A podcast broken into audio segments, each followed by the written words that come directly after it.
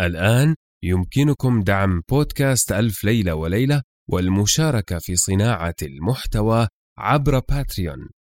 الرابط موجود في وصف الحلقة. شكرا لكم. شكرا دائما.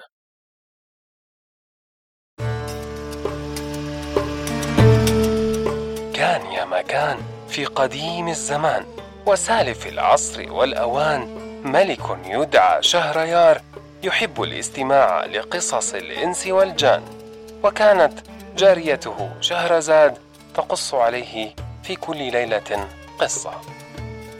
هذا بودكاست ألف ليلة وليلة.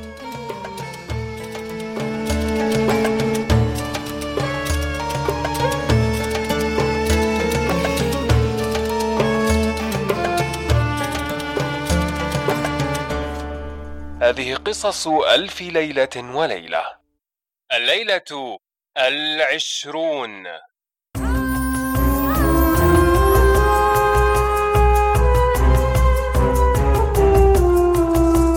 حكاية نور الدين مع أخيه شمس الدين.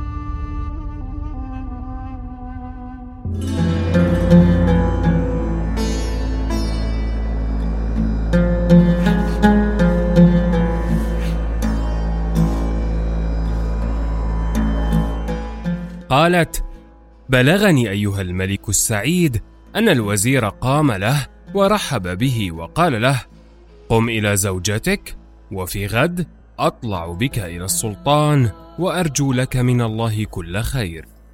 فقام نور الدين إلى زوجته. هذا ما كان من أمر نور الدين. وأما ما كان من أمر أخيه فإنه غاب عند السلطان مدة في السفر ثم رجع فلم يجد أخاه. فسأل عنه الخدم فقالوا له من اليوم الذي سافرت فيه مع السلطان ركب بغلته بعدة الموكب وقال أنا متوجه إلى جهة القليوبية فأغيب يوما أو يومين فإن صدري ضاق ولا يتبعني منكم أحد. ومن يوم خروجه إلى هذا اليوم لم نسمع له خبرا. فتشوش خاطر شمس الدين على فراق أخيه واغتم غما شديدا لفقده وقال في نفسه ما سبب ذلك؟ إلا أني أغلظت عليه في الحديث ليلة سفري مع السلطان فلعله تغير خاطره وخرج مسافرا فلا بد أن أرسل خلفه. وأعلم السلطان بذلك فكتب بطاقات وأرسل بها إلى نوابه في جميع البلاد ونور الدين قطع بلادا بعيده في مدة غياب أخيه مع السلطان. فذهبت الرسل بالمكاتيب ثم عادوا ولم يقفوا له على خبر. ويأس شمس الدين من أخيه وقال لقد أغضت أخي بكلامي له من جهة زواج الأولاد فليت ذلك لم يكن. وما حصل ذلك إلا من قلة عقلي وعدم تدبيري. ثم بعد مدة يسيرة خطب بنت رجل من تجار مصر وكتب كتابه عليها ودخل بها. وقد اتفق أن ليلة دخول شمس الدين على زوجته كانت ليلة دخول نور الدين على زوجته بنت وزير البصرة وذلك بإرادة الله تعالى حتى ينفذ حكمه في خلقه وكان الأمر كما قاله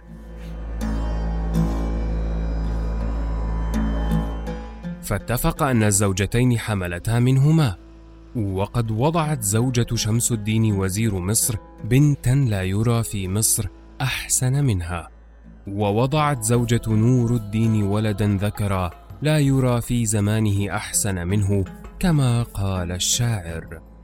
ومهفهف يغني النديم بريقه عن كأسه الملأى وعن إبريقه. فعلى المدام ولونها ومذاقها في مقلتيه ووجنتيه وريقه. وقال آخر إن جاءه الحسن كي يقاس به ينكس الحسن رأسه خجلا. أو قيل يا حسن هل رأيت كذا؟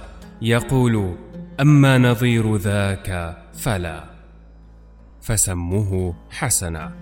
وفي سابع ولادته صنعوا الولائم وعملوا أسمطة تصلح لأولاد الملوك. ثم إن وزير البصرة أخذ معه نور الدين وطلع به إلى السلطان. فلما صار قدامه قبل الأرض بين يديه وكان نور الدين فصيح اللسان ثابت الجنان صاحب حسن وإحسان فأنشد قول الشاعر هذا الذي عم الأنام بعدله وسطا فمهد سائر الآفاق اشكر صنائعه فلسنا صنائعا لكنهن قلائد الأعناق. والثم أنامله فلسن أناملا لكنه مفاتح الأرزاق. فأكرمهما السلطان وشكر نور الدين على ما قال وقال لوزيره من هذا الشاب؟ فحكى له الوزير قصته من أولها إلى آخرها وقال له هذا ابن أخي. فقال له وكيف يكون ابن أخيك؟ ولم نسمع به. فقال يا مولانا السلطان إنه كان لي أخ بالديار المصرية وقد مات وخلف ولدين فالكبير جلس في مرتبة والده وزيرا وهذا ولده الصغير جاء عندي وحلفت أني لا أزوج ابنتي إلا له فلما جاء زوجته بها وهو شاب وأنا صرت شيخا كبيرا وقل سمعي وعجز تدبيري. والقصد من مولانا السلطان أن يجعله في مرتبتي. فإنه ابن أخي وزوج ابنتي وهو أهل للوزارة لأنه صاحب رأي وتدبير. فنظر السلطان إليه فأعجبه واستحسن رأي الوزير بما أشار عليه من تقديمه في رتبة الوزارة. فأنعم عليه بها وعين له الرواتب والجوامك. فقبل نور الدين يد السلطان ونزل هو وصهره إلى منزلهما وهما في غاية الفرح وقالا إن قدم هذا المولود مبارك. ثم إن نور الدين توجه ثاني يوم إلى الملك وقبل الأرض وأنشد هذين البيتين. سعادات تجدد كل يوم وإقبال وقد رغم الحسود. فما زالت لك الأيام بيضا وأيام الذي عاداك سود. فأمره السلطان بالجلوس في مرتبة الوزارة فجلس وتعاطى أمور خدمته ونظر بين الناس في أمورهم ومحاكماتهم كما جرت به عادة الوزراء. وصار السلطان ينظر إليه ويتعجب من أمره وذكاء عقله وحسن تدبيره. وتبصر في أحواله فحبه وقربه إليه. ولما انفض الديوان نزل نور الدين إلى بيته وحكى لصهره ما وقع ففرح. ولم يزل الوزير يربي المولود المسمى حسنا إلى أن مضت عليه أيام. ولم يزل نور الدين في الوزارة حتى إنه لا يفارق السلطان في ليل ولا في نهار وزاد له الجوامك إلى أن اتسع عليه الحال وصار له مراكب تسافر من تحت يديه بالمتاجر وغيرها. وعمر املاكا كثيرة ودواليب وبساتين إلى أن بلغ عمر ولده حسن أربع سنين. فتوفي الوزير الكبير والد زوجة نور الدين فأخرجه خرجة عظيمة وواراه في التراب. ثم اشتغل بعد ذلك بتربية ولده. فلما بلغ أشده أحضر له فقيها يقرئه في بيته وأوصاه بتعليمه وحسن تربيته فقرأه وعلمه فوائدا في العلم بعد أن حفظ القرآن في مدة سنوات وما زال حسن يزداد جمالا وحسنا واعتدالا كما قال الشاعر قمر تكامل في المحاسن وانتهى فالشمس تشرق من شقائق خده ملك الجمال بأسره فكأنما حسن البرية كلها من عنده. وقد رباه الفقيه في قصر أبيه ومن حين نشأته لم يخرج من قصر الوزارة إلى أن أخذه والده نور الدين يوما من الأيام وألبسه بدلة من أفخر ملبوسه وأركبه بغلة من خيار بغاله وطلع به لعند السلطان وأدخله عليه. فنظر الملك حسن بن الوزير نور الدين فانبهر. وأما أهل المملكة فإنهم لما مر عليهم أول مرة وهو طالع مع أبيه لعند الملك قد تحيروا من فرط حسنه وجماله ورشاقة قده واعتداله وتحققوا فيه معنى قول الشاعر رصد المنجم ليله فبدا له قد المليح يميس في برديه. وتأمل الجوزاء إذ نثرت به. حب الجمان يلوح في عطفيه وأمده زحل سواد ذوائب والمسك هادي الخال في خديه. وغدت من المريخ حمرة خده والقوس يرمي النبل من جفنيه. وعطارد أعطاه فرط ذكائه وأبى السها نظر الوشاة إليه. فغدا المنجم حائرا مما رأى والبدر باس الأرض بين يديه. فلما رآه السلطان أحبه وأنعم عليه وقال لأبيه يا وزير لابد أنك تحضره معك في كل يوم. فقال سمعا وطاعة. ثم عاد الوزير بولده إلى منزله وما زال يطلع به إلى السلطان في كل يوم إلى أن بلغ الولد من العمر خمسة عشر عاما. ثم ضعف والده الوزير نور الدين فأحضره وقال يا ولدي اعلم أن الدنيا دار فناء والآخرة دار بقاء وأريد أن أوصيك وصايا فافهم ما أقول لك. وصار يوصيه بحسن عشرة الناس وحسن التدبير. ثم إن نور الدين تذكر أخاه وأوطانه وبلاده وبكى على فرقة الأحباب وساحت دموعه وقال يا ولدي اسمع قولي. فإن لي أخا يسمى شمس الدين وهو عمك ولكنه وزير بمصر قد فارقته وخرجت على غير رضاه. والقصد أنك تأخذ درجا من الورق وتكتب ما أمليه عليك. فأحضر قرطاسا وصار يكتب فيه كل ما قاله أبوه فأملى عليه جميع ما جرى له من أوله إلى آخره وكتب له تاريخ زواجه ودخوله على ابنة الوزير وتاريخ وصوله إلى البصرة واجتماعه بوزيرها وكتب وصية موثقة ثم قال لولده احفظ هذه الوصية فإن ورقتها فيها أصلك وحسبك ونسبك فإن أصابك شيء من الأمور فاقصد مصر واستدل على عمك وسلم عليه وأعلمه إني مت غريبا مشتاقا إليه. فأخذ حسنا بدر الدين الرقعة وطواها ولف عليها خرقة مشمعة وخيطها بين البطانة والظهارة وصار يبكي على أبيه من أجل فراقه وهو صغير. وما زال نور الدين يوصي ولده حتى طلعت روحه.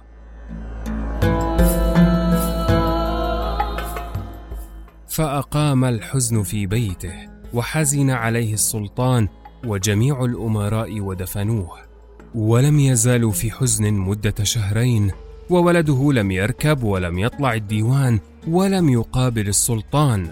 وأقام مكانه بعض الحجاب وولى السلطان وزيرا جديدا مكانه وأمر أن يختم على أماكن نور الدين وعلى ماله وعلى عماراته وعلى أملاكه.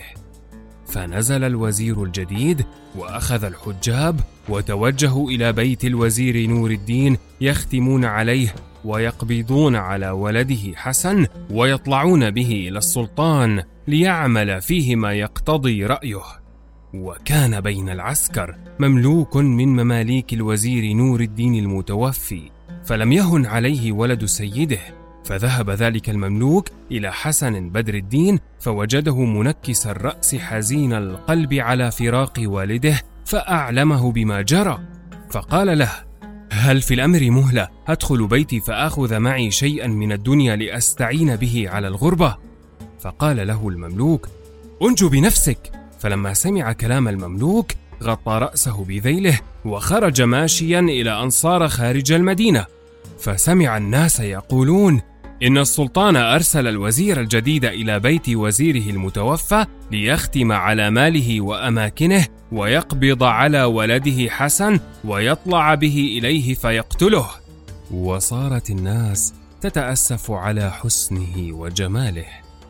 فلما سمع كلام الناس خرج إلى غير مقصد ولم يعلم أين يذهب. فلم يزل سائرا إلى أن ساقته المقادير إلى تربة والده فدخل المقبرة ومشى بين القبور إلى أن جلس عند قبر أبيه وأزال ذيله من فوق رأسه فبينما هو جالس عند تربة أبيه إذ قدم عليه يهودي من البصرة وقال: يا سيدي، ما لي أراك متغيرا؟ فقال له: إني كنت نائما في هذه الساعة، فرأيت أبي يعاتبني على عدم زيارة قبره، فقمت وأنا مرعوب، وخفت أن يفوت النهار ولم أزره فيصعب علي الأمر.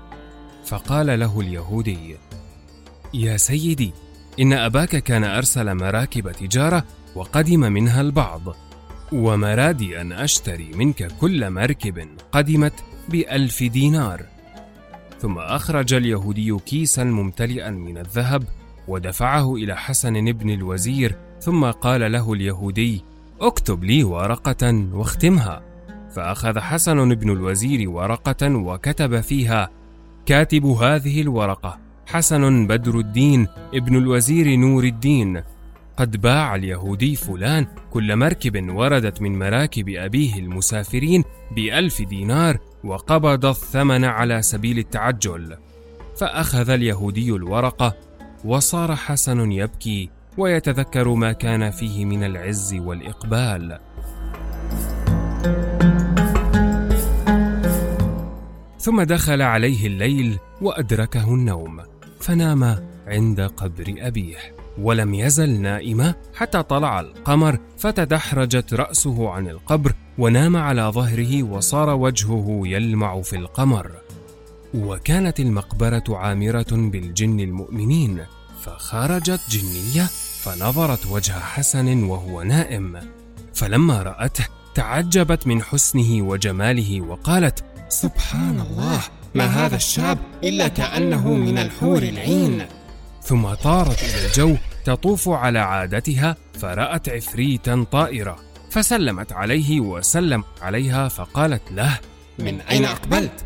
قال من مصر فقالت له هل لك أن تروح معي حتى تنظر إلى حسن الشاب النائم في المقبرة؟ فقال لها نعم فسارا حتى نزلا في المقبرة فقالت له هل رأيت في عمرك مثل هذا؟ فنظر العفريت إليه وقال سبحان من لا شبيه له ولكن يا أختي إن أردت حدثتك بما رأيت. فقالت له حدثني. فقال لها إني رأيت مثل هذا الشاب في إقليم مصر وهي بنت الوزير وقد علم بها الملك فخطبها من أبيها الوزير شمس الدين فقال له يا مولانا السلطان اقبل عذري فإنك تعرف أن أخي نور الدين خرج من عندنا ولا نعلم أين هو. وكان شريكي في الوزارة وسبب خروجه أني جلست أتحدث معه في شأن الزواج فغضب مني وخرج. وحكى للملك جميع ما جرى بينهما. ثم قال للملك فكان ذلك سببا لغيظه وأنا حالف ألا أزوج بنتي إلا لابن أخي من يوم ولدتها أمها وذلك منذ ثمانية عشر سنة. ومن مدة قريبة سمعت أن أخي تزوج ابنة وزير البصرة وجاء منها بولد. وأنا لا أزوج بنتي إلا له كرامة لأخي. ثم إني أرخت وقت زواجي وحمل زوجتي وولادة هذه البنت وهي باسم ابن عمها والبنات كثير. فلما سمع السلطان كلام الوزير غضب غضبا شديدا وقال كيف يخطب مثلي من مثلك بنتا فتمنعها منه وتحتج بحجة باردة. والله لا أزوجها إلا لأقل مني برغم أنفك. وكان عند الملك سايس أحدب بحدبة من قدام وحدبة من وراء. فأمر السلطان بإحضاره وكتب كتابه على بنت الوزير بالقهر وأمر أن يدخل عليها في هذه الليلة ويعمل له زفافا وقد تركته وهو بين مماليك السلطان وهم حوله في أيديهم الشموع موقودة يضحكون عليه ويسخرون به على باب الحمام. وأما بنت الوزير فإنها جالسة تبكي وهي أشبه الناس بهذا الشاب وقد حجروا على أبيها. وما رأيت يا أختي أقبح من هذا الأحدب. وأما الصبية فهي أحسن من هذا الشاب. وأدرك شهرزاد الصباح فسكتت عن الكلام المباح.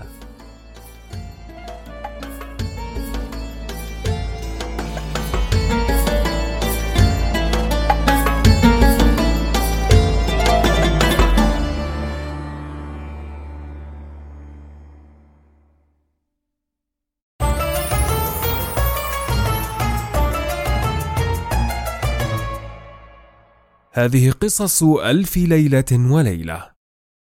أنا نزار الحمود معكم في قراءة الليالي. لا تنسوا مشاركة الليالي مع من تظنون أنهم سيحبون ذلك. شكرا لكم، شكرا دائما.